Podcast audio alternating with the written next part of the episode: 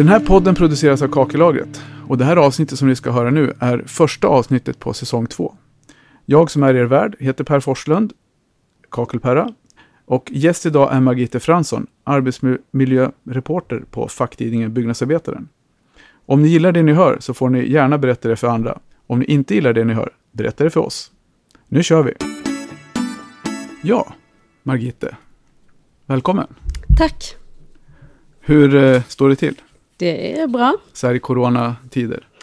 Ja, alltså det är ju en frustration att inte få vara ute på arbetsplatser och så, som jag är van vid. Ja. Eh, och att inte kunna träffa människor på samma sätt. Ja, Eh, men eh, ja, man får laga efter läge på något sätt. ja det är så. Ja, du märker att jag hoppar direkt ur manuset. Vi har suttit och pratat lite grann här innan om ja, vad vi ska prata om, så, så Mm. att Margita är lite förberedd. Eh, jo, vem är Margite Fransson? Ja, eh, min härkomst är från Småland. Jag har flyttat 50 mil upp i landet. Ja, Eh, som person så jag är intresserad av väldigt mycket olika saker och jag vill hinna med mycket i mitt liv. du är energisk. Ja, det kan man säga. Ja, Ganska arbetsam. Eh, jag är uppfödd på en gård. ja, Eh, och eh, jag tycker mycket om att ha med människor att göra. Mm. Och det har väl också påverkat mitt yrkesliv. så social, energisk och arbetsam. Ja, och eh, dra igång lite för många projekt kanske åt Ja. gången. Kul. Det är Men- baksidan Ja, och framsidan. ja, ja, men det är väl bra egenskaper. Ja. Ja. ja, vi pratade om det här när jag kom också med dina kollegor här. Just det här med att vi inte skakar i hand. Mm. Skaka hand. Mm. Hur, eh, din kollega, vad, vad heter hon? Du, jag kommer inte ihåg. Jag har namn vet du. Eh, Isabella, Isabella. är vår Ja, chefredaktör. Ja. Mm. hon tycker att hon vill ju verkligen skaka hand och, Ja. sa hon, och ta i människor. Och den Mm. här. Personligen så tycker jag också det varit lite konstigt med, med att inte kunna skaka hand, för det säger ändå rätt mycket om människa. Hur, hur känner du? Jag känner att det är ju också ett sätt att vara artig, för jag närmar ju mig ofta människor eh, som, som jag inte känner, Ja, men som ändå ska på något sätt ha ett förtroende för det, mig och det jag gör. Jag ställer frågor, ibland väldigt närgångna frågor, så där, då är ju att hälsa på ett bra sätt är väldigt viktigt, tycker Mm. jag. Eh, och det är ju, om man till exempel, jag har rest till Thailand och intervjuat byggnadsarbetare, då hälsar du på ett annat sätt. Mm. Liksom. Eh, här hälsar vi ju hand och Ja. då blir det lite märkligt att inte kunna göra det. Men idag är det ju hövligt att inte ta varandra i hand. ja då det, har, har ju- man fått tänka om. om. Ja, det har ju slagit om rätt fort också. Ja, idag är det, eh, ses det inte riktigt bra. Att, Men hur tänker du just när man, när man tar hand. När, man, när man tar i hand? Alltså hur, hur, har du någon liksom, relation, vad är din relation till det, när du, Ja. den människan du möter? Alltså jag tänkte lite på det. ehm, att ett fast handslag inger ju någon slags eh, eh, förtroende eller eh, vad ska man säga, som en stadig person då. Men sen så tänker jag att det är, det är ju inte säkert att det är så, men det är, ett första intryck bygger inte bara på det. Och så kommer jag att tänka på mitt jobb här faktiskt. Mm. Det är ju jättemånga byggjobbare som faktiskt är svårt skadade i sina händer. Mm. Och hur blir deras handslag då? Alltså, Ja, det finns så mycket som påverkar vad som är en människa och hur, ja, ja. hur den ter sig vid ett första intryck. ja, verkligen. Ja, det är ju så. Ja, man är ju lite snabb också själv i bedömningen ibland. Just det Ja. handslaget, att man dömer en människa eller Ja. be- bedömer en människa efter det. Så det är ju, Men i den här branschen finns jättemånga som har totalförstörda händer ja, faktiskt. Ja. Ja, ja, så kan det vara. Mm. Och då är det svårt att skaka hand. Då Då, kanske det är schysstare med en corona. ja Hälsning. precis. Ja, jag kom på att jag vet inte riktigt hur det påverkar egentligen, men ja. Nej. Men i alla fall, det känns ju lite konstigt i alla fall att inte skaka hand. Mycket.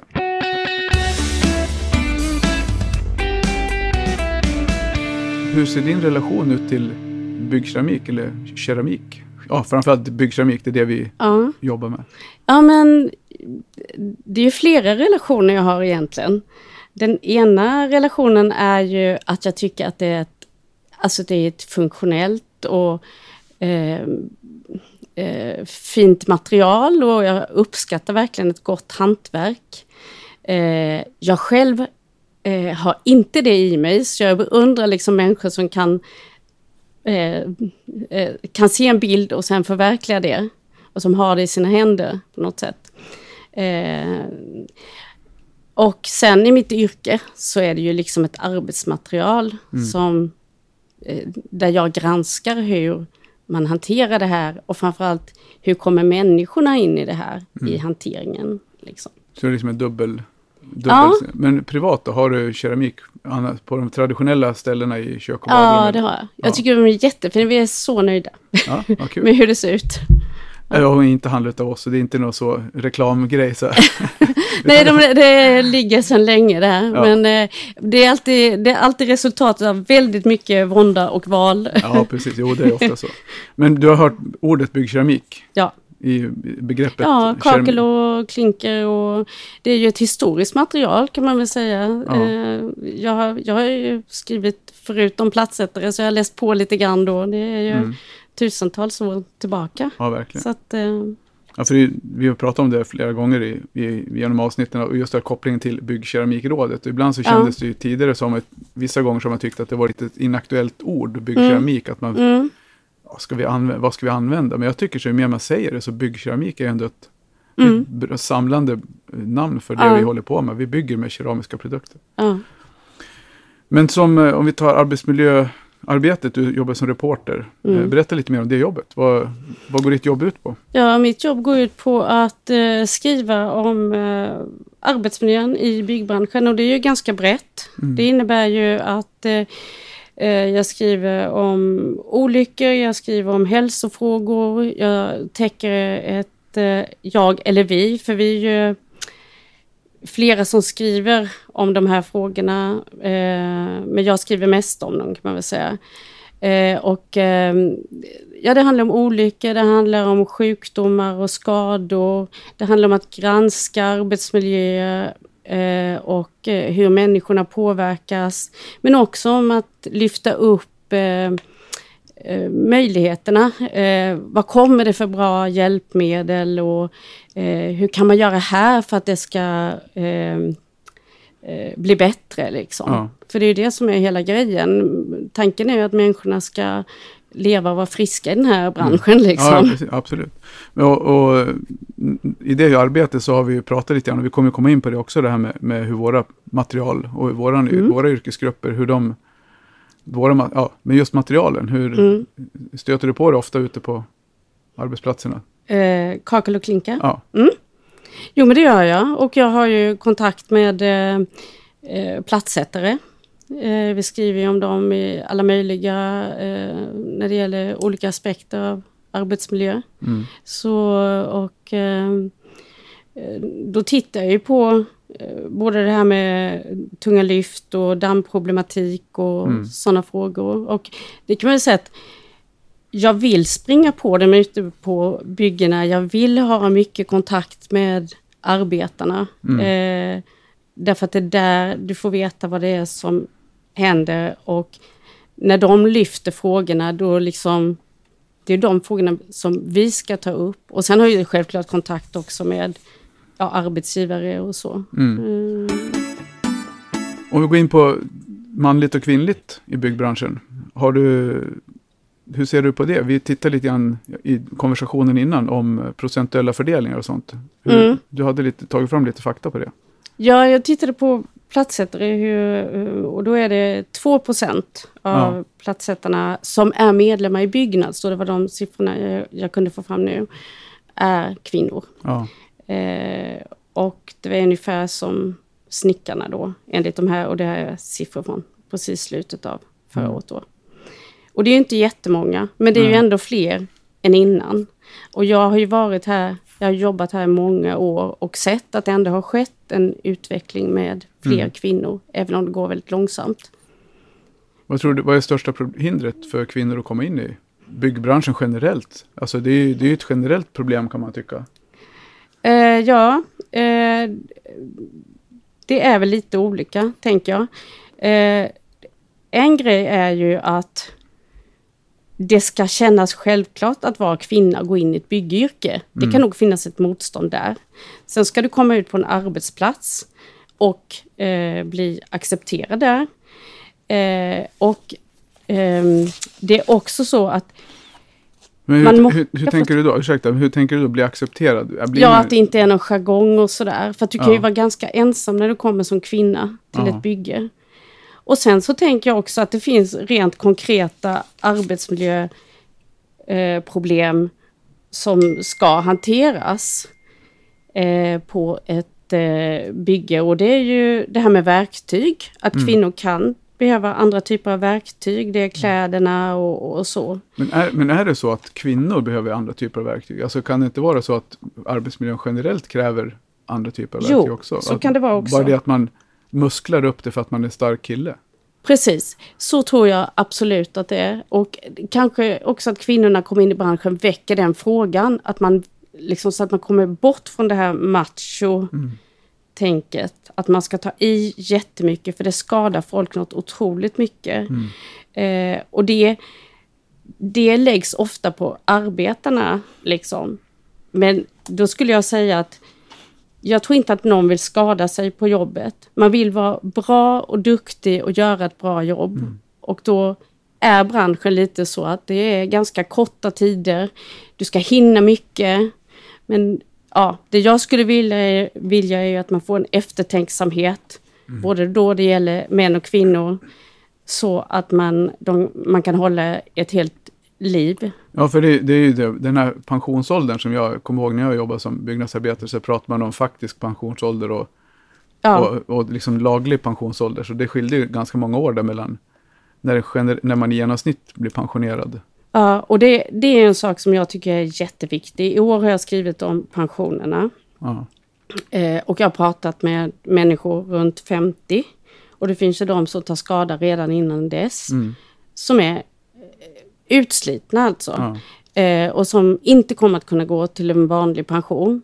Och då kan man säga att om, om inte arbetsgivarna och byggbranschen tar sitt ansvar för de som ska utföra jobben och om man inte aktar sig själv och ställer krav, då är det risk att man hamnar eh, i en väldigt dålig situation eh, som eh, och då kanske man inte klarar sig till pensionen. Och, för målet är ju att man ska kunna vara frisk även när man går i pension.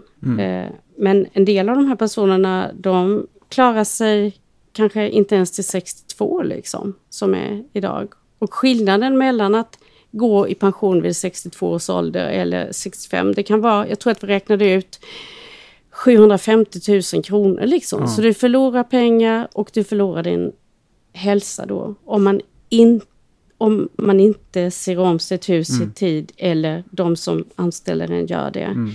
För jag, Eh. jag kan se det också som att det, man, man pratar mycket om att arbetsgivarna ska ta sitt ansvar, men man pratar väldigt lite om att kollektivet behöver ta sitt ansvar för sin hälsa, för det är inte bara arbetsgivaren ska ju tillhandahålla skyddsutrustning.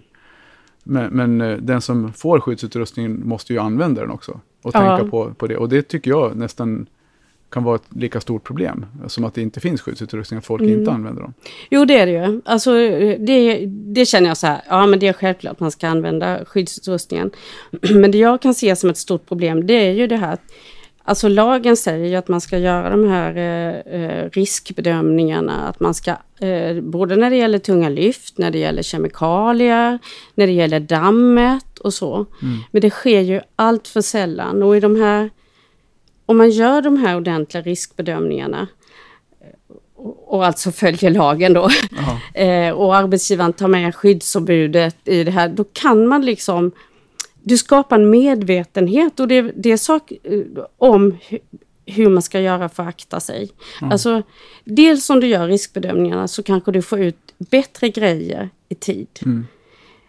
Dels genom att göra det så skapar du en medvetenhet om riskerna. ja, precis. Och sen har vi också en slags utbildning om varför det är viktigt att man aktar sig på olika sätt. Till exempel att det håller inte i ett arbetsliv att gå på gränsen av sin förmåga liksom när man Nej. lyfter. Men eh, vi pratar om manligt och kvinnligt. Mm. Eh, jag läste ju lite grann som hastigast, ska jag säga. Jag har inte l- läst den i flera gånger, utan Mm. skummade igenom den här artikeln om och gravid Ja, på jobbet som byggnadsarbetare. ja, Och det är väl lite generellt, alltså jag såg det och det problemet är att man inte liksom, killar kan ju inte bli gravida så, såklart på grund av naturen. Men, Mm. Och det är ju lite så man känner att det, spelar ju, det här klickar, klickar i varandra hela vägen, alltså som vi pratade om tidigare, det här med att pallar du inte så, pallar du inte jobbet så dra. Man ska, Ja. det, det är någon sån här tuff jargong, att man ska inte anpassa sig, Mm. man, vi ska inte anpassa oss efter den svagare, utan det är den svagare som får Mm. hänga med. Så den Mm. svagaste länken i kedjan avgör ju om det brister eller inte. Mm. Men, eh, men om vi vill få in mer kvinnor i byggbranschen så, Mm. så måste man ju någonstans också se till att, och det skulle, som jag tolkar dig då, nu blir det lite monolog här, men som jag Mm. tolkar dig så, och som jag själv har funderat under flera gånger, det är ju egentligen att om, om alla kunde tänka till när det gäller lyft och hela den här biten så skulle ju alla må bättre och kunna skada sig mindre och, och få jobba längre utan att förlora massa pengar, för det handlar om pengar också. Ja. Eh, ja, jag tycker att man alldeles för länge har försökt anpassa människan efter byggbranschen istället för att anpassa byggbranschen efter människorna. Mm. Eh, och eh, det finns ju ett ansvar, alltså det är ju så här, lagstiftningen ser ju ut på det sättet att ingen ska dö, ingen ska skadas och Nej. ingen ska bli sjuk nu eller sen av sitt jobb liksom. Nej. Eh, så, och det är ju, alltså det är ju ett delat ansvar. Men det handlar ju också om att man får, det handlar om att få de ekonomiska förutsättningarna att jobba Mm. säkert och att sen var och en tar sitt ansvar där. Men det som, det som jag tänkte på också när vi pratade, för många Ja. av de, de som lyssnar nu, eh, en hel del av dem är egna företagare. Ja. Och en och, en och två man och tre man och. Ja. fåmansföretagare. Mm. Hur bra koll har man på arbetsmiljön för dem? Jag tänker generellt nu, för du kanske inte pratar så mycket för Byggnadsförbundet, utan det är mer för... Jag talar som reporter. Ja, precis. Eh, Det är det jag menar. Ja. Ni gör ett granskande. Hur mycket, hur mycket har ni koll på småföretagarna? Alltså jag träffar ju dem när jag är ute också. Ja. Eh, och det är klart, där har man ju kärvare ekonomiska förutsättningar liksom att, att jobba, utgår jag i de flesta fallen. Och det tänker är det så de att arbetsmiljö kostar, menar du? Eller vad, vad... Planera arbetsmiljön, kostar det pengar? Ja, ibland gör det det.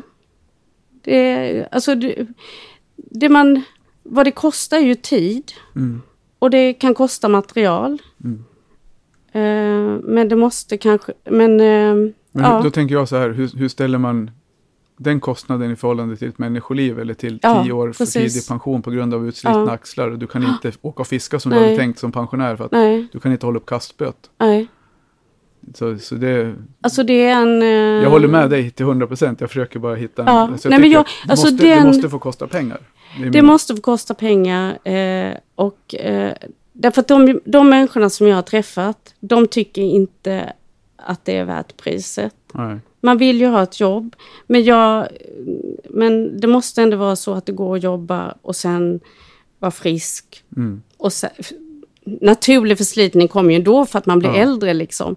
Men att, eh, men att man ska kunna vara frisk och gå i pension sen. Men jag, jag vet ju också hur arbetslivet ser ut. Mm. Och jag tittar ju också på konkurrensen Mm. som finns mot de här företagen. Så jag vet att det här är liksom ingen... Men om alla följer lagen så blir det, Om ju, alla följer lagen. så blir det ingen konkurrensskillnad Nej, heller. precis. Och det är väl det, det är ju också en viktig dimension av det här med arbetsmiljö. Mm.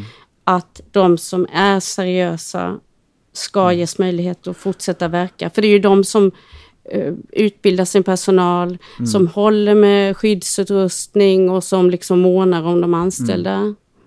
Men där, nu, vi, vi gled ifrån manligt och kvinnligt. Ja, vi Men- hoppar tillbaka. Ja, precis. Det är ingen fara. Jag tänker mer eh, hur, hur ska man göra då? för att för få in fler kvin- kvinnor. Eller för, ja, men alltså nu om jargongen, om jargongen är kring arbetsmiljö Mm. är fortfarande en machokultur eller macho på 2020. Mm. Och vi har hållit på med det här sedan jag jobbade fackligt i slutet på 90, början på 2000 fram till 2004 va? Mm. Så har man hela tiden disku, diskuterat de här frågorna, liksom att tunga Mm. lyft, kvinnor, vara eller icke vara i byggbranschen. Mm.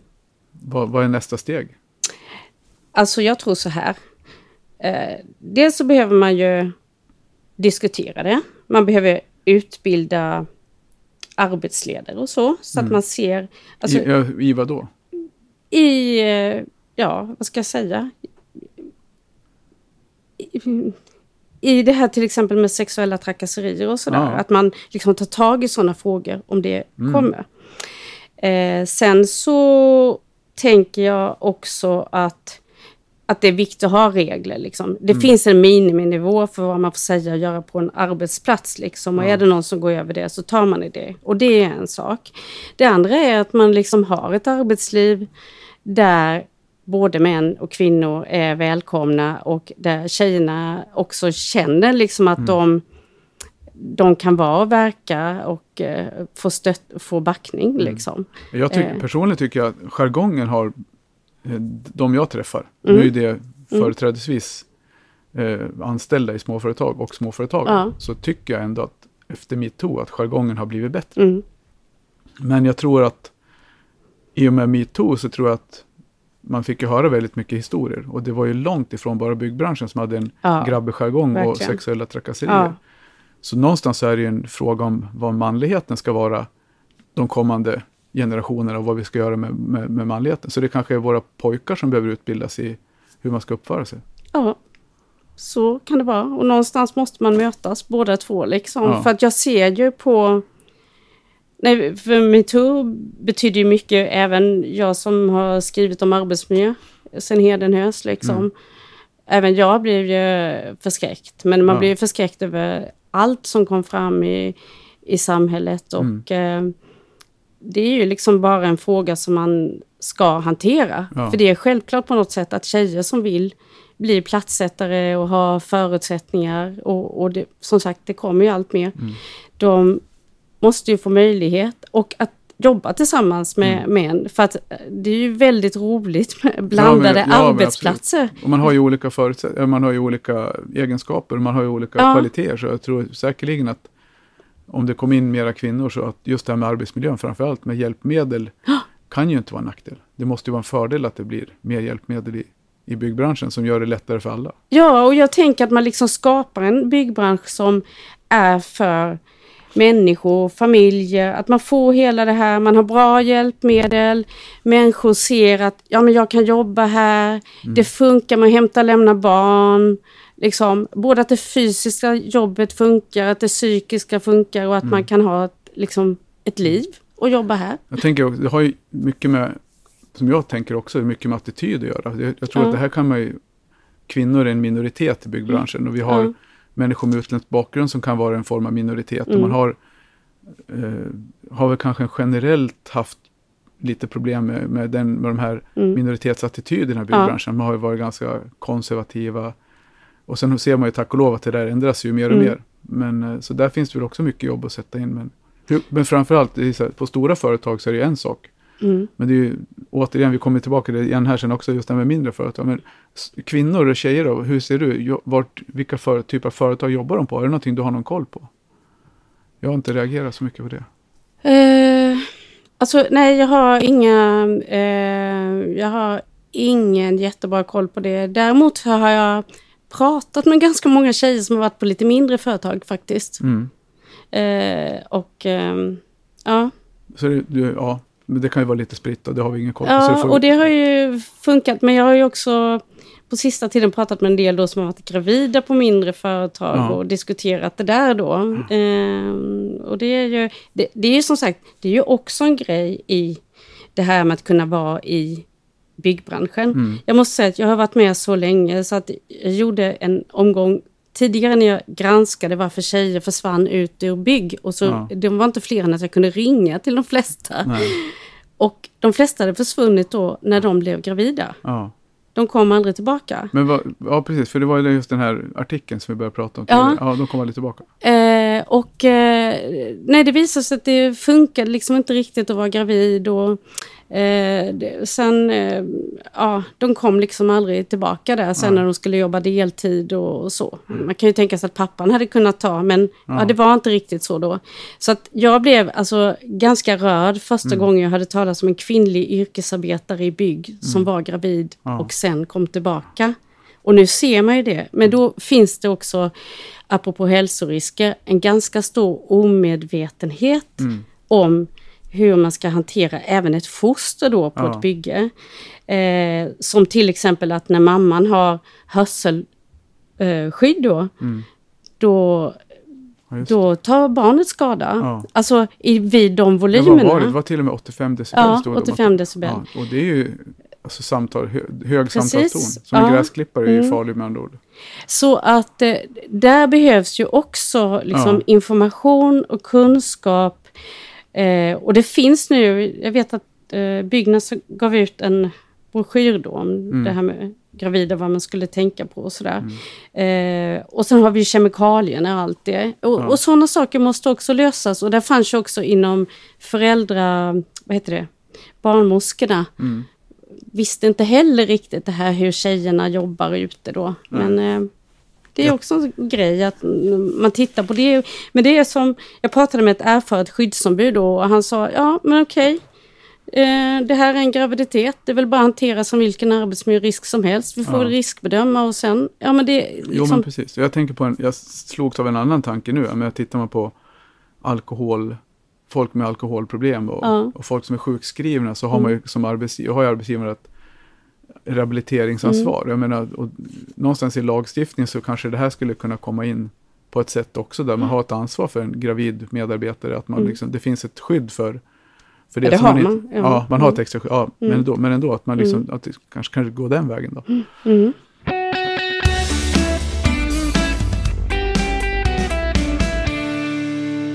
Ja, jargongen i byggbranschen, den har, vi ju, har man ju pratat om i årtionden.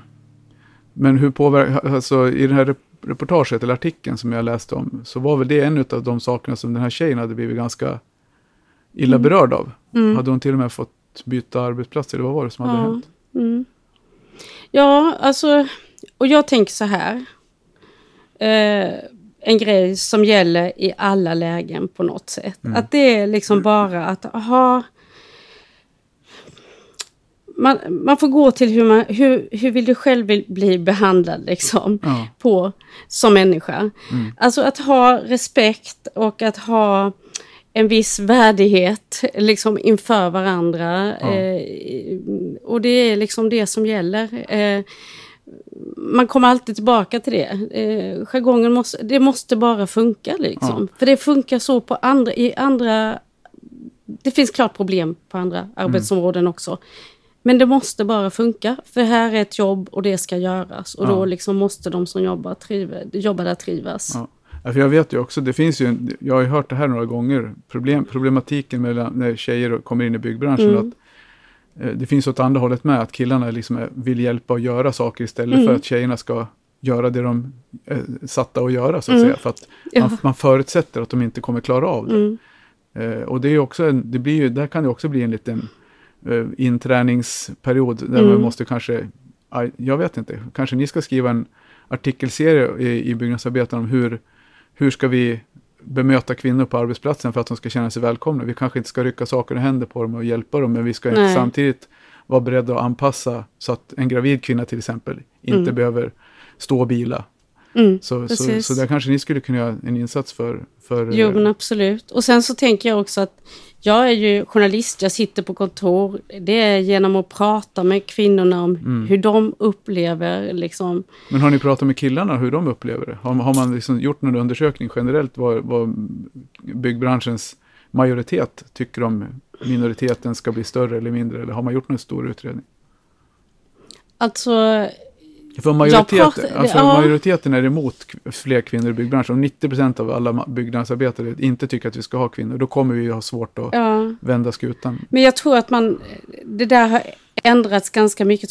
Det finns, alltså metoo visade ju med all Ja. önskvärd tydlighet att här finns problem ja, liksom. verkligen. Både här och på andra Ja, ställen med, ja. med eh, manligt och kvinnligt.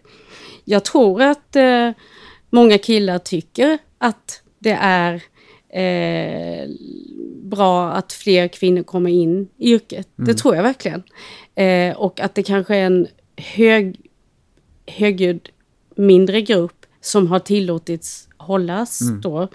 Eh, jag tror man kan se värdet i att eh, det kommer in fler, eh, att man får andra arbetskamrater, man får... Mm. Alltså att det blir som ett, vad ska man säga, att det blir nom- som ett normalt samhälle, även ja, i bygg. en representation, Ja, precis. Ja, precis.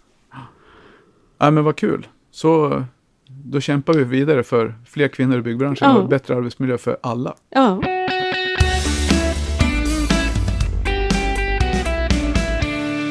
Om ni har lyssnat så här långt och gillar det ni hör så får ni gärna berätta det för era jobbarkompisar och bekanta.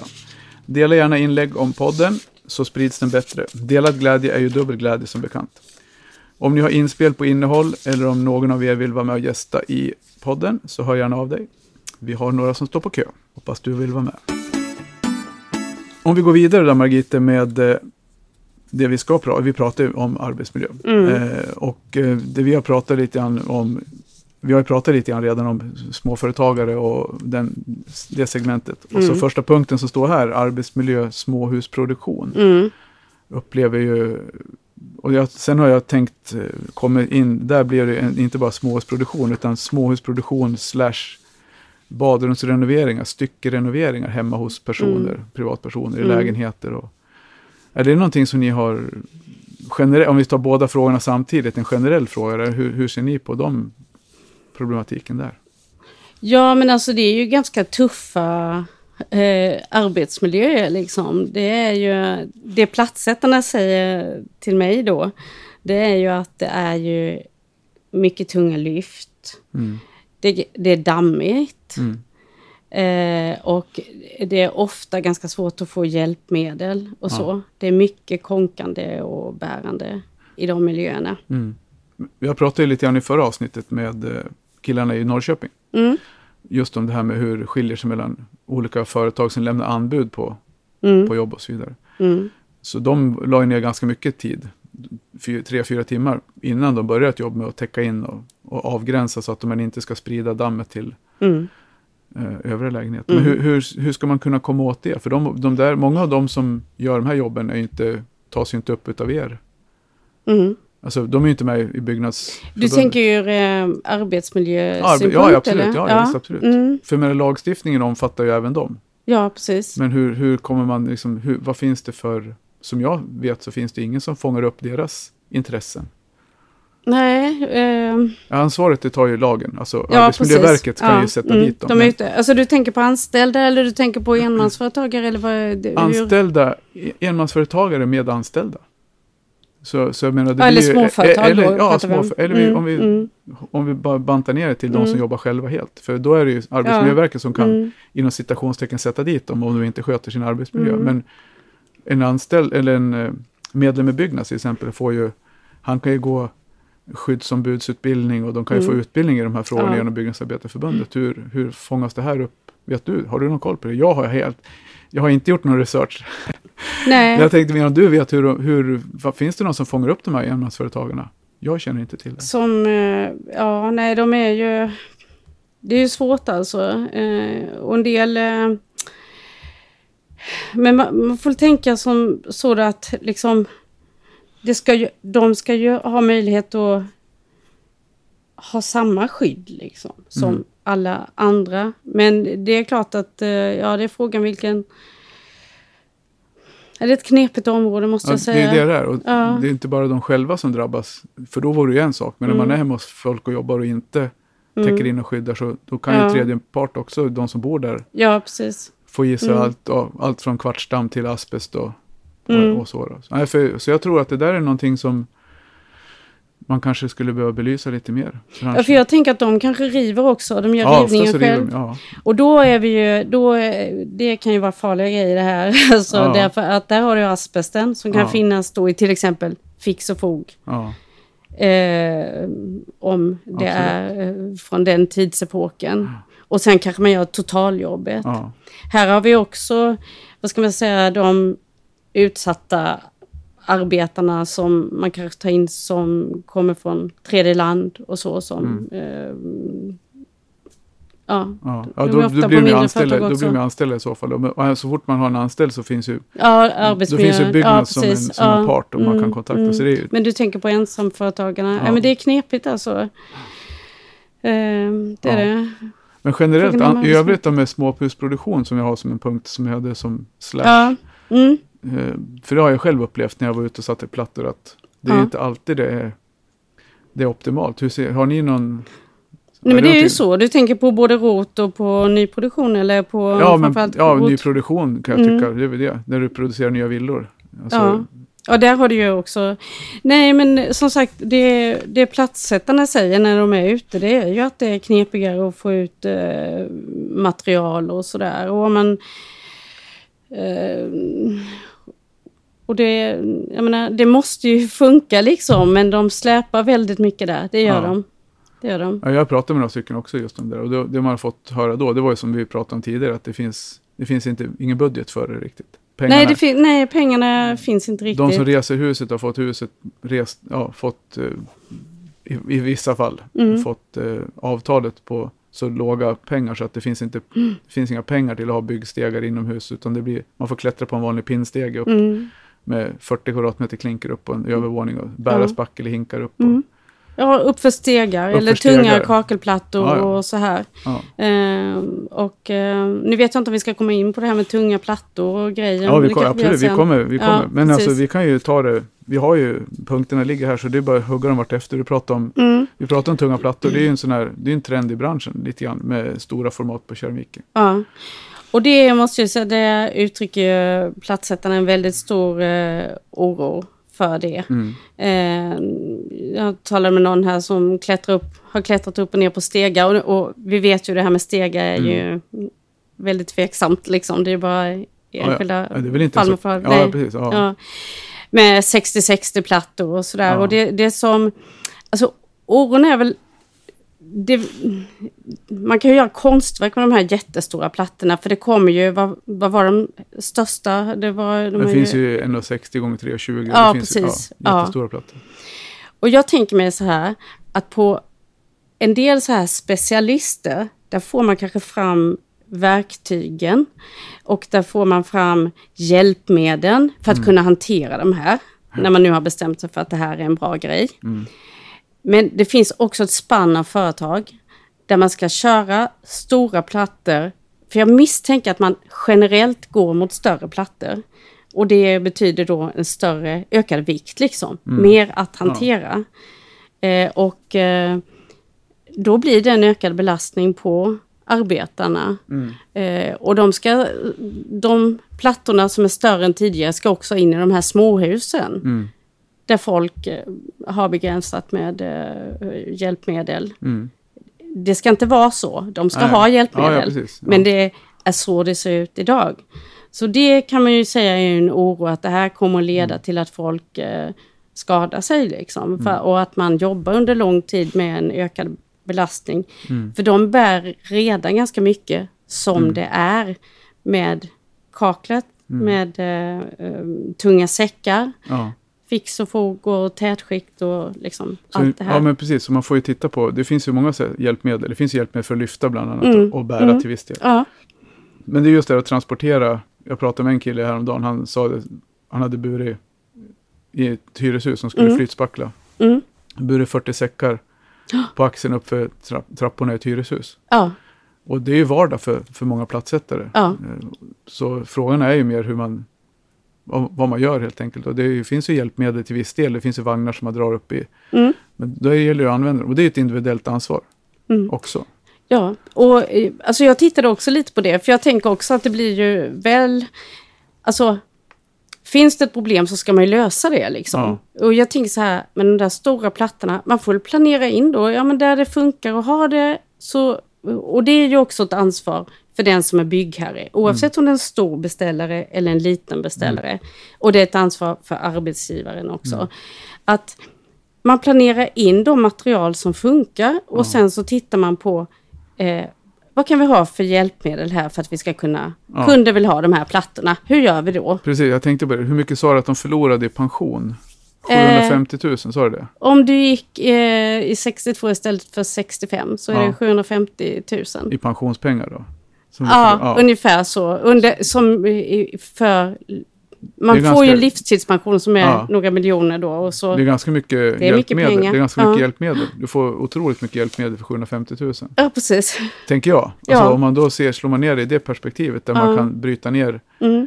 en förlorad eh, trekvarts miljon i pension för att man slet ut axlarna istället för att man använd hjälpmedlen. Så Ja, hör, hör ni det nu grabbar där ute, att se till att använda de hjälpmedel som Mm. finns. För det finns ju Mm. till exempel lyft, eh, Mm. lyft, till exempel en batteridriven plattlyft som heter Mm. Grabbo. Har du sett den? Ja, jag har hört talas om den. Du jobbar med ett Ja, enhandsgrepp. precis. Du kan Mm, ha, om du mm. har en 60 Jag hade gång- talat om den i researchen inför det här Ja, då. precis. Ja, men har man till exempel en 66 eller en 60 gånger en 20 och har två sådana där handtag.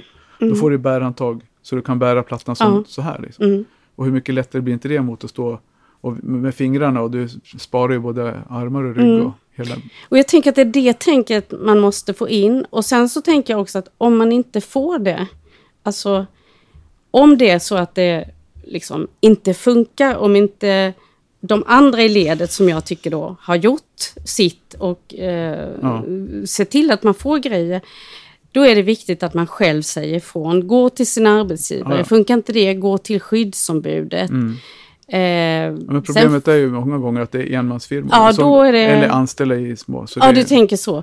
Ja, och då får man ju gå, då får man i alla fall ändå ta det ja. ansvaret. Tänk, tänk att jag ska hålla i många år. Ja. Eh, Och säga ifrån, stå upp för sig själv. ja, stå upp Ja. för sig själv och, och akta sig liksom. För att eh, de där situationerna när man ska eh, härja med Försäkringskassan och ha Nej. ständig verk. Nej. Så det är liksom, Det är det brinner jag för efter att ha sett för många sådana exempel. Jag förstår. Däremot så ser jag ju arbetsglädjen när man kan jobba och liksom vara frisk. Ja. Då är det ju ett fantastiskt arbete Ja. det här. Du, vi nämnde det tidigare. Eh, asbest. Ja, Det är en sån här fråga som dyker upp hos oss då och då i butiken. ja, Det kommer in någon och säger så här, du, kan det vara asbest i, det här, i den här fogen? Kan det vara asbest i det här fixet? Mm. Vad, vad tror ni? Och, mm, och jag vet inte, jag läste någonstans lite eh, att det har kommit tillbaka antalet alltså skadade av asbest. Att det har ökat igen eller har det aldrig gått ner? Hur, har du någon Nej, koll? man har ju, det finns ju siffror på det här över de som dör i mesoteliom. Mm. Och det hade ökat. Eh, och eh, alltså... Och nu går man in i miljonprogrammen. Alltså det finns en stor... Hade det ökat i någon speciell grupp? Eller jag, jag har någonstans hört att kvinnor har fått mera, eller kanske jag- någonting som jag har läst fel. ehm, ja, det här med... Det är jag lite osäker på, det här med... Ja, du sa att man ska gå in i miljonprogrammet. Ja, just det. Eh, och sen husen som är byggda under de här tidsperioderna. Det gäller ju vanliga bostadshus också. Ja, Och vi har sjukhusen och, och liksom folks, folk som går in där nu. mm. Det är ju inte så här, de, de var ju i många fall inte med nej. eh, under det här stora larmet Nej. med asbesten. nej, för jag, jag kom ut i den, jag gick ut skolan 91-92, började jobba. Ja. Och då var det ju otroligt mycket på tapeten med asbest, för det Mm. var ju mycket 60-70-tals hus som- som renoverades då. Ja. Men alltså vad är det, om du säger generellt då, vad finns asbesten? Var, var ska man se upp, vad ska man se upp med? Alltså om man tänker på platser, det är ju fix och... Ja, ja de som få- river, de som går in och river. I, Ja, alltså det finns ju... Det finns ju hur mycket som helst i olika material, i, som brandisoler, som, Ja. eh, liksom som skydd mot brand. ja. Eh, och eh, Men som man stöter i på golv, Mattlim vet jag mattlim. Nu senast var det ett larm i eh, uppåt landet där man hade eh, först tagit prov på, på golv och sen så visade det sig att eh, det var negativt då men sen var det eh, asbest i alla fall. Och Ja. det, det som är en... Det, alltså det är dels då att man eh, ska upptäcka att det finns. Ja. Och det ska ju eh, och kunna ifrågasätta om man Mm. eh, ser ett material. Den kunskapen måste ju finnas då hos Ja. arbetstagare som är i den sista utposten. Mm. Men dessförinnan ska ju de andra fastighetsägarna och så ha tagit sitt ansvar och liksom gjort miljöinventeringar. Ja. Och, och sen så måste Men det, men det är ett bra sätt att ta reda på och fråga en, fastighetsägare om en miljöinventering. För Ja, då- de oh ja det absolut. asbest. Det är de skyldiga att göra. Ja. Och sen så ska ju arbetsgivaren då titta hur, eh, hur eh, liksom, är det här trovärdigt? Ja, För det är fler än en gång så har vi eh, sett exempel då där man har gjort kanske slarviga miljöinventeringar eller man har missat någonting och man tar prov på ett ställe och, och, och sen finns asbesten i lager under. Så när det gäller asbest i de här husen som är från, ja det är väl framförallt 50-talet framåt 80-talet då.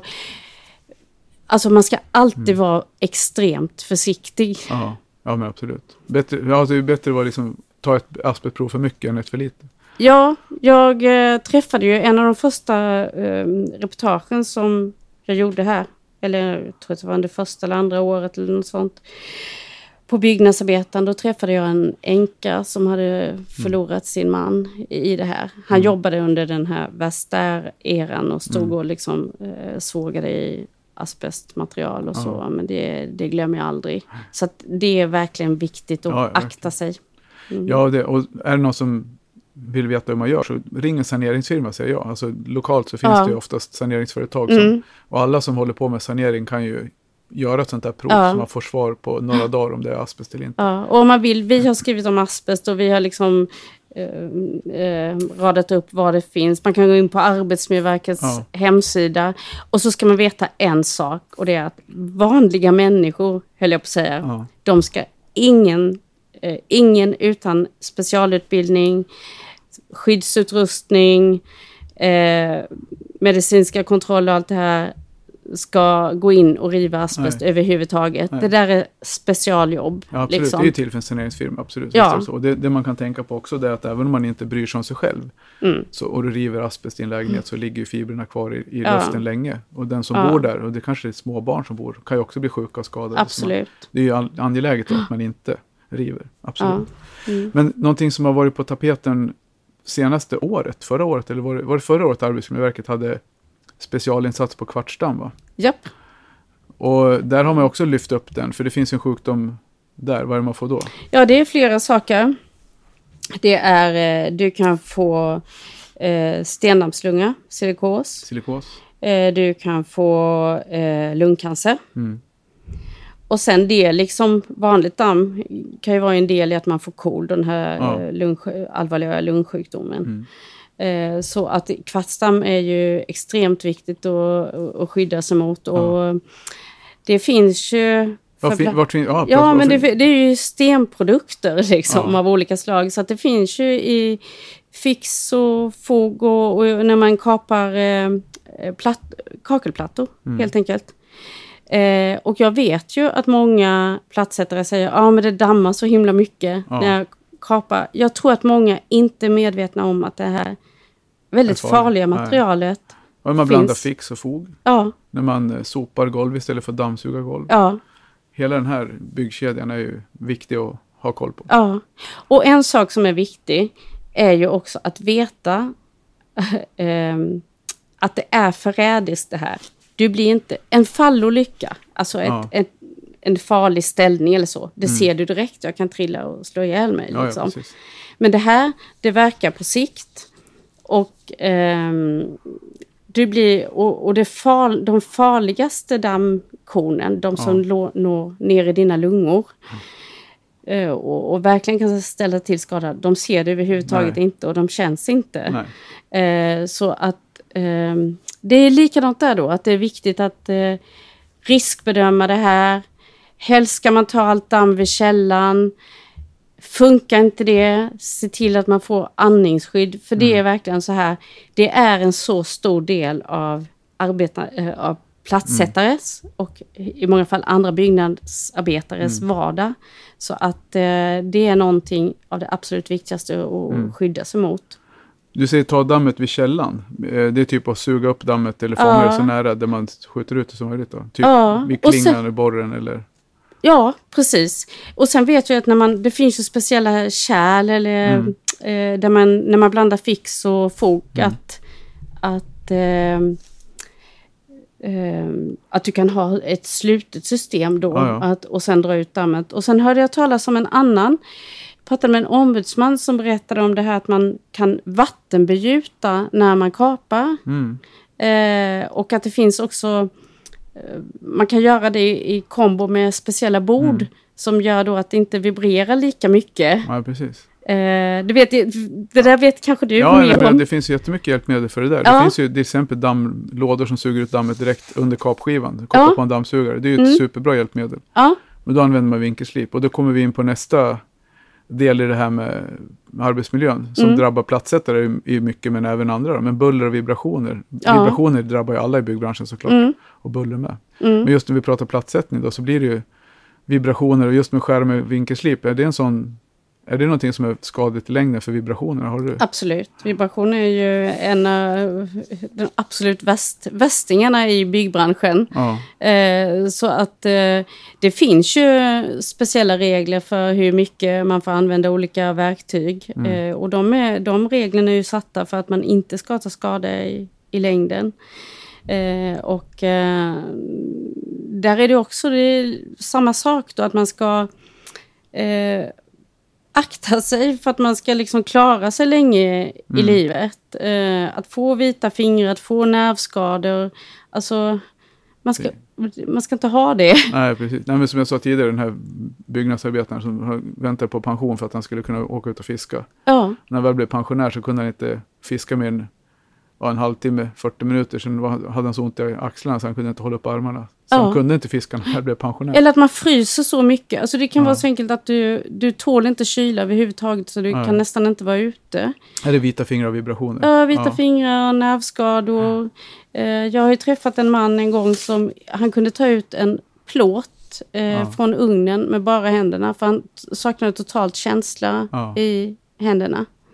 Eh, och där vill man inte hamna. Nej, det vill man inte. Eh, och man låter ju, men jag tänker så att om man vet det värsta som kan hända, Mm.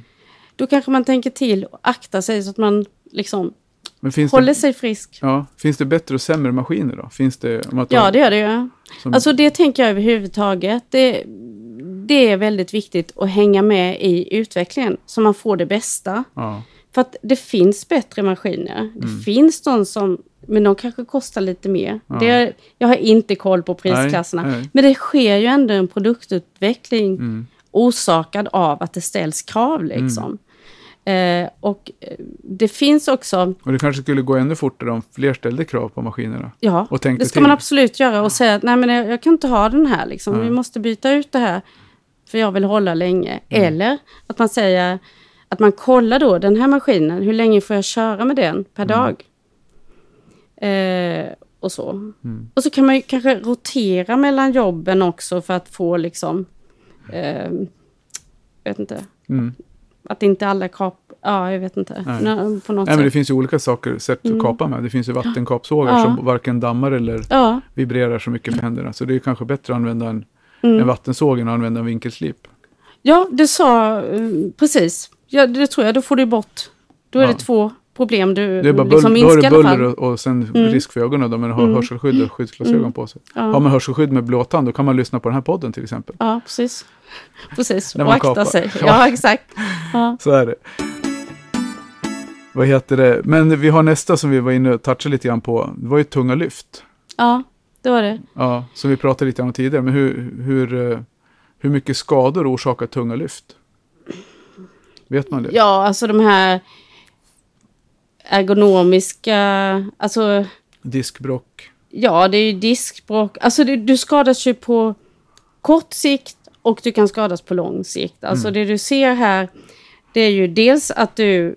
Om du förlyfter dig så kan du ju knäcka dig. Alltså. Ja. Du knäcker ryggen, du gör en vridning eller det är lite stressigt och liksom, du ska lite snabbt göra någonting. Då kan du ju ryggen ta en rejäl smäll. Eller andra delar av kroppen. Men sen har man ju det här att... Eh, eh, alltså jag skulle säga det också att de här belastningsskadorna, det är ju något av det absolut värsta i byggbranschen. Och eh, eh, om man ser då vid sidan av de här liksom snabba olyckorna som kan hända, så har du ju att du blir belastad så att du liksom förstör dig bit för bit. Mm. Om du lyfter fel, inte får rätt redskap. Eh, och jag skulle ju tycka att det skulle behövas enormt mycket information och kunskap om hur en människokropp fungerar och hur Ja, ja. man ska akta sig genom hela livet. Kanske skulle ha någon sån här ut, generell utbildning i hur man uppför sig mot kvinnor och hur man underhåller sin kropp för att klara sig i byggbranschen. Ja, precis. Jag, Och- tänker, jag tänker på det faktiskt rätt mycket de senaste åren. För jag, som jag sa innan vi började, Mm. eh, här, när vi stod utanför och pratade, att för några år sedan, tre år sedan ungefär, så Mm. började jag en, en ny resa, ett nytt Mm. kapitel i mitt liv med, Mm. med träning framförallt. Mm. Eh, Och till viss del kost också då. Jag gick ner Mm. rätt mycket i vikt och nu har vi gått upp lite igen då. Men, Mm. men framförallt träningen. Och jag, så jag kan ju lägga en liten teaser om det, för jag kommer ta ett avsnitt med, Mm. med en bra. kost och träningsexpert. Just om Mm. hur man, hur som byggnadsarbetare, hur man skulle kunna förebygga skador genom att vara vältränad. För tittar man på killar i min ålder generellt, jag var ju, en, jag var ju ganska rundlagd för några år sedan. Mm. Det är ganska många som är från rundlagda upp till ganska tjocka som inte tränar framför allt. Man kan ju äta gott, men är man, Mm. och är man vältränad och äter gott så Mm. vad som händer är att man blir lite rund men man är fortfarande stark. Ja. Men att träna förebyggande för att inte bli skadad av sitt Mm. arbete, det Mm. borde ju någonstans ligga i, i DNA, men det gör det ju inte tyvärr. Nej. Det är faktiskt roligt. Vi tog ju ut eh, två killar som eh, eh, vi satte på Bosön. Den här träningsanläggningen Mm. Ja. eh, då på Lidingö där många Ja. eh, idrottare är. Eh, och så var det en man på Galaxen som gjorde ett träningsprogram för dem. Ett mycket enkelt träningsprogram. Mm. Och som skulle då vara skadeförebyggande för bygg. Och det var fantastiskt vad de gjorde med väldigt enkla medel på kort tid. Så Ja. absolut, det är jätteviktigt att träna. Och jag tänker också att det är viktigt att få den här friskvårdstimmen av eh, arbetsgivaren. För det, det var faktiskt en av platssättarna som sa, Mm. jag, som sagt, innan jag är med i en sån här podd, då måste jag prata med folk ute på, Ja, ja, precis. på, ute på golvet. Ja. Jag sitter på kontor. Det. Mitt vad, sa, vad sa de om det? Nej, men just det, säg det att det är viktigt med eh, friskvårdstimmen, att man får möjlighet att gå på arbetstid och träna för att hålla sig i form. Sen ska allt annat finnas på plats, men det här är faktiskt en viktig del också. Ja, absolut.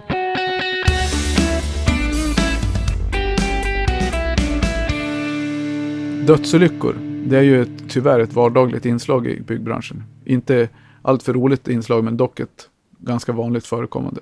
Hur många byggnadsarbetare dör varje år? Ja, vi, de senaste två åren... I, så- jobbet, I jobbet alltså, inte generellt, Nej, precis. nej, nej. men på arbetet. Ja, de senaste två åren då så har, eh, vi, så har, fjort, har det skett har 14 personer dött i byggolyckor. Vi gör en genomgång Per år? Varje ja, år? per år, Ja. varje år. Ja. Eh, och eh, vi gör en genomgång varje år. Ja. Eh, jag sitter och går igenom varenda olycka. Ja. Eh, och eh, Det är alltså en byggnadsarbete, mer än en i månaden ja, de senaste två åren. Och då ska man säga att det här är olyck- byggolyckor. Det här är andra personer också som dör på byggarbetsplatser. Till exempel har det varit flera chaufförer som Ja. kommer och lastar av. Men vi tycker att det är relevant att man har med alla grupper som dör på ett bygge. Ja. Eh, Men så i de här siffrorna så är det chaufförer som har dött på byggarbetsplatsen? Ja, Absolut. ja de har ändå dött på byggarbetsplatsen. De har dött ja. på bygget. Och Relaterat till byggnadsarbete, Ja, ja, exakt. precis. absolut. Allt har med bygg att göra och vi ser det som att om man dör på en byggarbetsplats då eh, det handlar ju om hanteringen där. Ja. Och, eh, Men vad är den vanligaste dödsorsaken då? ja, det är ju fall och klämolyckor. Eh, Fallolyckor är det vanligaste.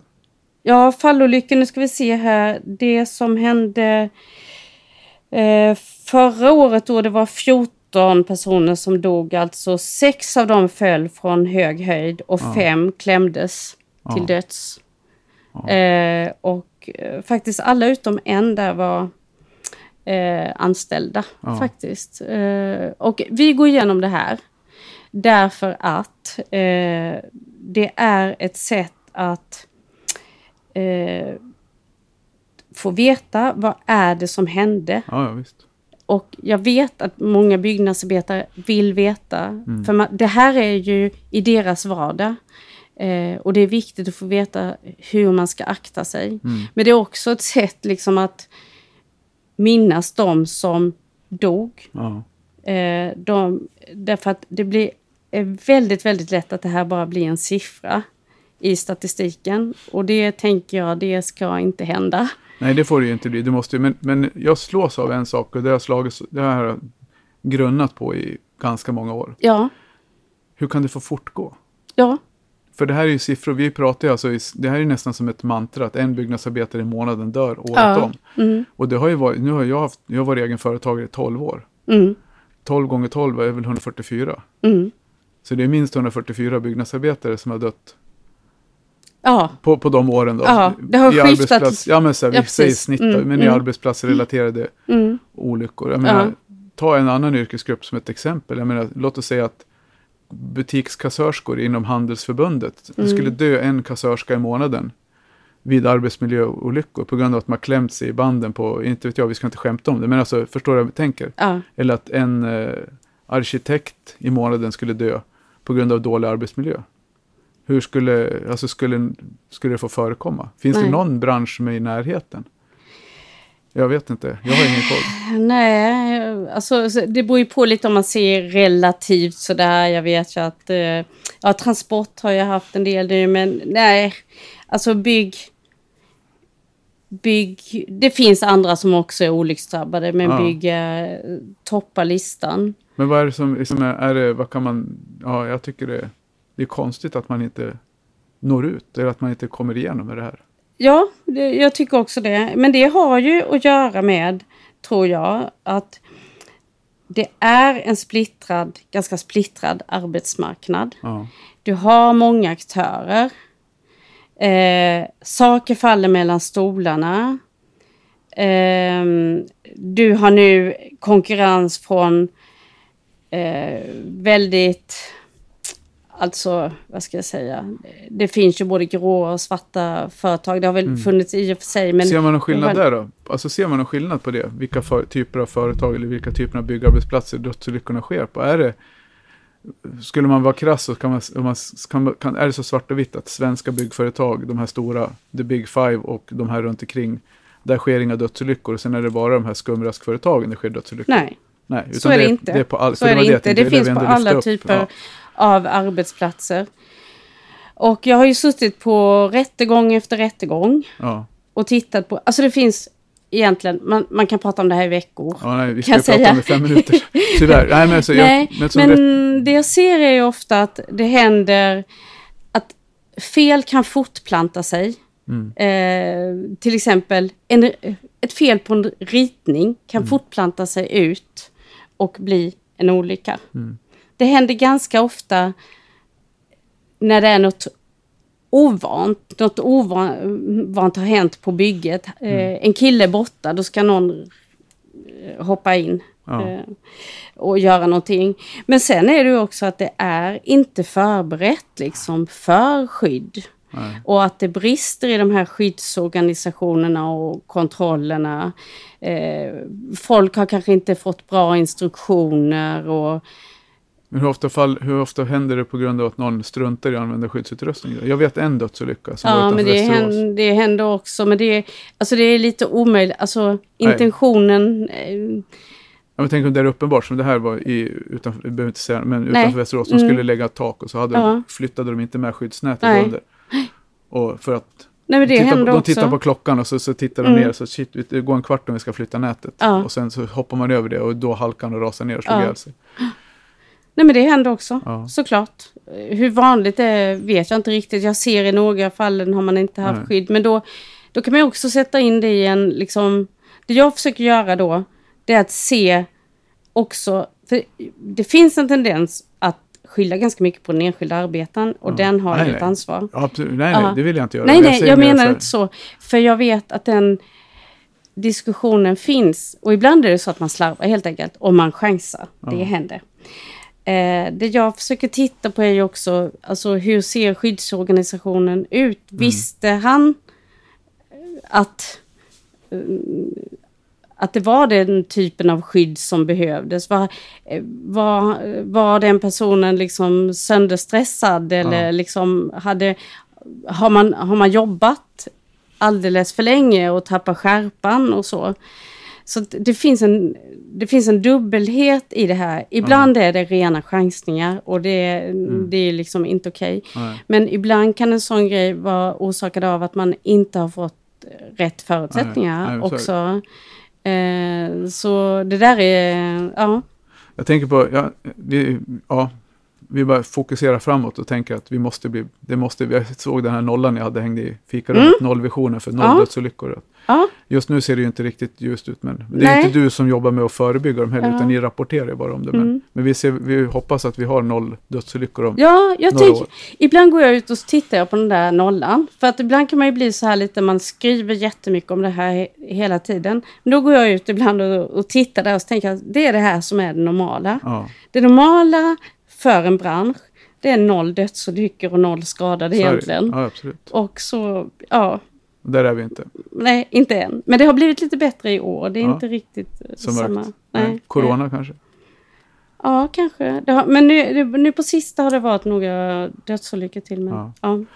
Eh, jo, du ville skjuta in en fråga. Ja, det var Eller det här en- med kemikalierna. När vi pratade om eh, eh, kvarts Ja, eh, och den typen av risker då. Så finns det en annan risk som är kemikalier ja, i, i branschen då.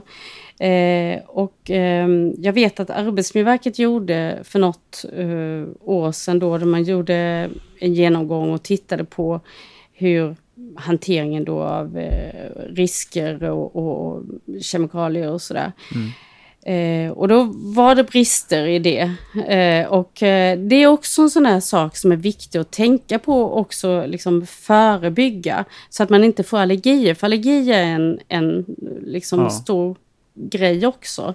Som man kan få. Eh, och att man tittar på det här med varuinformationsblad och att arbetsgivarna informerar sina anställda och kanske tar hjälp liksom. För det där är knepigt tycker jag. Absolut. Jag vet inte, du har, du har ju erfarenhet ja av det nej, där också. absolut, visst är det det. Och det finns ju mycket, finns ju mycket risker med saker som vi jobbar med i vår Ja, bransch. mm. Och eh, det man kan göra, det man kan ju be sin, där man handlar sina produkter, Mm. om säkerhetsdatablad och Ja. produktblad, och läsa igenom dem innan Mm. man börjar använda produkten. Och jag tycker så här, att är man det minsta osäker på hur man ska hantera en produkt, då ska man kontakta butiken när man har köpt den eller tänker köpa den. Kan de Ja. inte svara, så ska man gå vidare till den som är leverantör Mm. eller producent och be att få en, en genomgång innan man börjar så man inte chansar. Till exempel med härdplaster Mm. som faller under härdplastkungörelsen. Där måste man ju dels, dessutom ha en utbildning för att jobba med dem. Mm. Och det förekommer ju ganska mycket epoxifogar i, Ja. ute idag. Mm. Ja, mycket och mycket, men vi, ibland Mm. dyker det upp i pooler och sånt där. Och då är det viktigt att göra rätt. Mm. Och sen är det ju egentligen med alla sorters produkter vi jobbar med som innehåller, innehåller med kemikalier och hur de Mm. påverkar huden.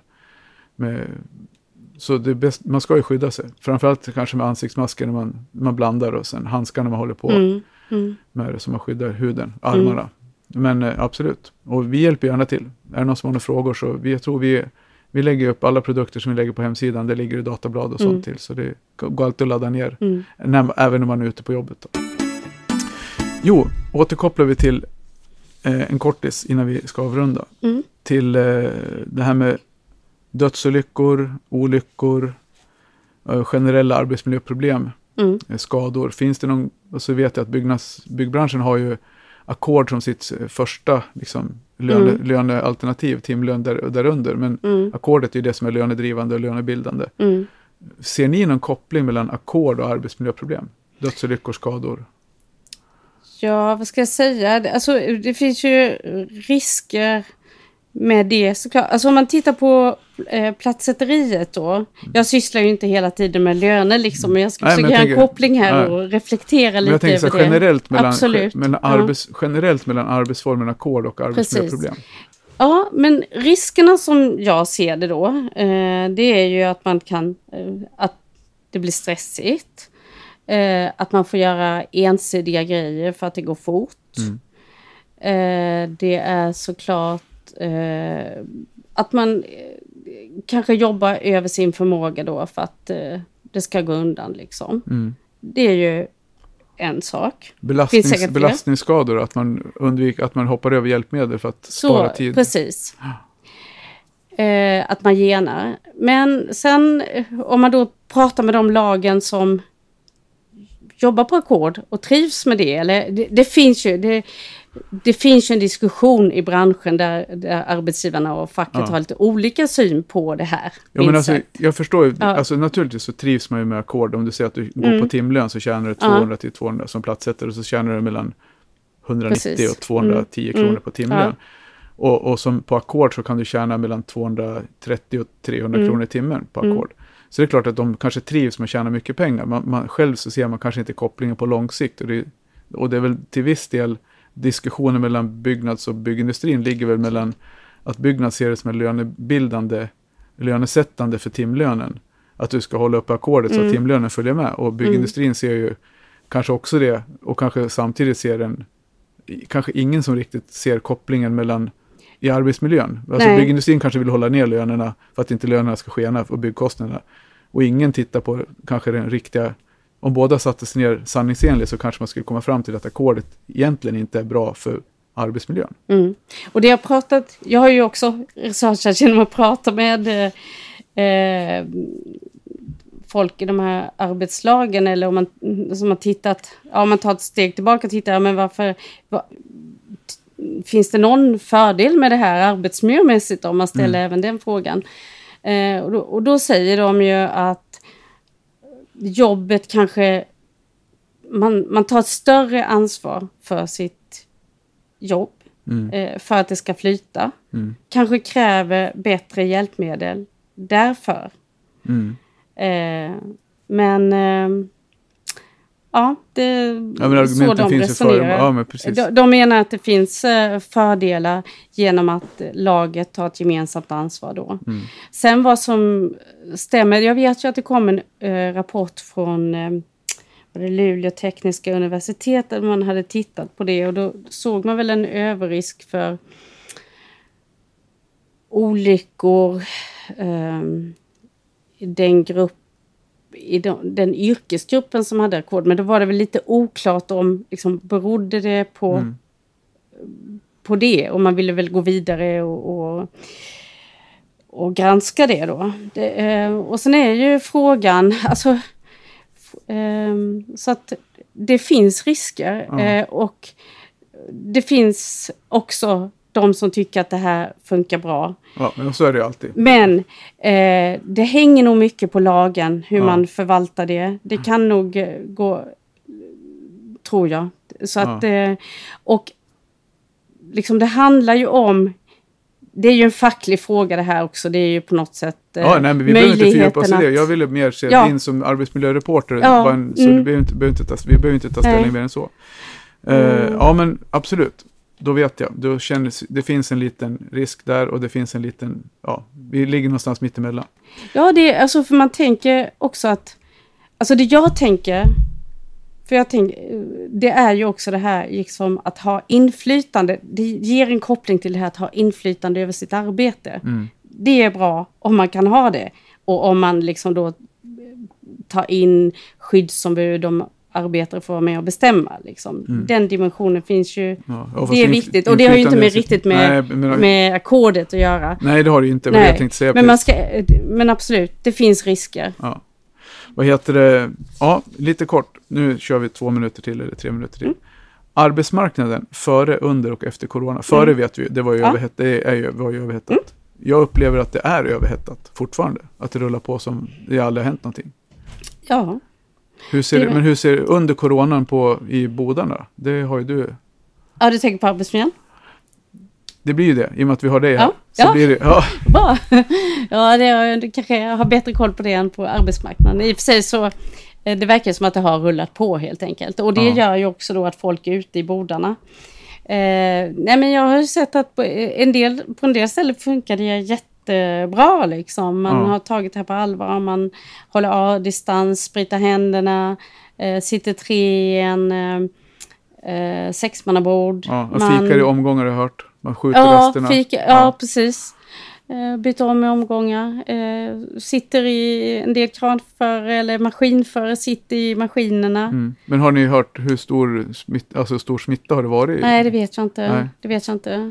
Sen har jag även då fått uppgift om att man att det inte alls är så himla noga och jag tänker på folk som eh, liksom lever i, i skuggsamhället här som kanske måste gå oavsett om de är sjuka Ja. eller inte och som liksom har helt andra villkor. Precis. Så det är nog ganska Ja. varierande. Och det skuggsamhället, det skulle vi eventuellt prata om i ett annat avsnitt, eller hur? Ja. Om eh, arbetsförhållanden för folk som inte har samma villkor som alla andra. Ja, Men med de orden så skulle jag vilja tacka dig Margit för att du ville vara med. tack. Och vi ses. Ja. Och ni där ute, vi hörs senare. Hej hej!